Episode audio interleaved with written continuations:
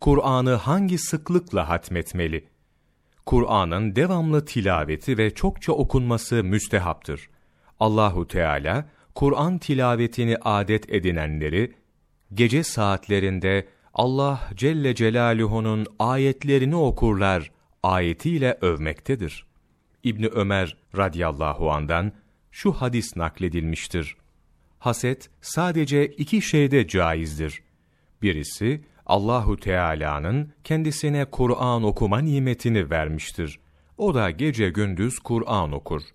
Diğeri ise Allah Celle Celaluhu kendisine mal vermiştir. O da malı gece gündüz Allah yolunda harcar. İbni Mesud radıyallahu anh'tan rivayet edilmiştir. Kur'an-ı Kerim'den bir harf okuyana bir hasene verilir. Bir hasene on sevap değerindedir. Selefin Kur'an okuma miktarı hususunda çeşitli uygulamaları vardı. Kur'an'ın çokça tilaveti meselesinde günümüze birçok rivayet ulaşmıştır. Kur'an'ı 4, 5, 6 ve 7 günde bir hatmedenler de olmuştur ki, bu en güzel ve doğru olandır. Sahabenin ve tabi'in radiyallahu anhum ecmain çoğu böyle yaparlardı. Kays bin Ebi Sa'sa radiyallahu anın şöyle dediği rivayet edilir.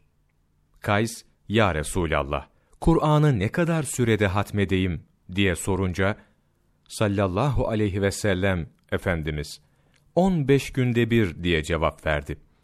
Bundan daha kısa sürede hatmedebileceğimi söylediğim zaman, öyleyse haftada bir hatmet buyurdu. Abdullah bin Ömer radıyallahu anh'dan rivayet edilir ki, Resulullah sallallahu aleyhi ve selleme, Kur'an'ı ne kadar günde hatmedelim diye sorulunca o da, 40 günde diye cevap vermiştir. Yine Kur'an 8 veya 10 günde, bir veya iki ayda hatmedenler de olmuştur. Mekhul bin Ebi Müslim radıyallahu anın şöyle dediği rivayet edilir. Sahabeden güçlü olanlar yedi günde, bazıları bir ay, bazıları iki ay, bazıları da daha uzun bir zamanda hatim yaparlardı. Ebu Hanife rahmetullahi aleyh şöyle demiştir. Kim senede iki defa Kur'an'ı hatmederse, hakkını vermiş olur.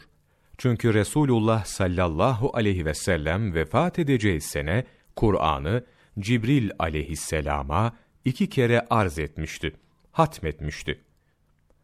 Ahmet bin Hanbel rahmetullahi aleyh, özürsüz Kur'an hatminin 40 günü aşması mekruhtur demiştir. İmam Suyuti, İtkan Muhtasarı, sayfa 34, 23 Ocak Mevlana takvimi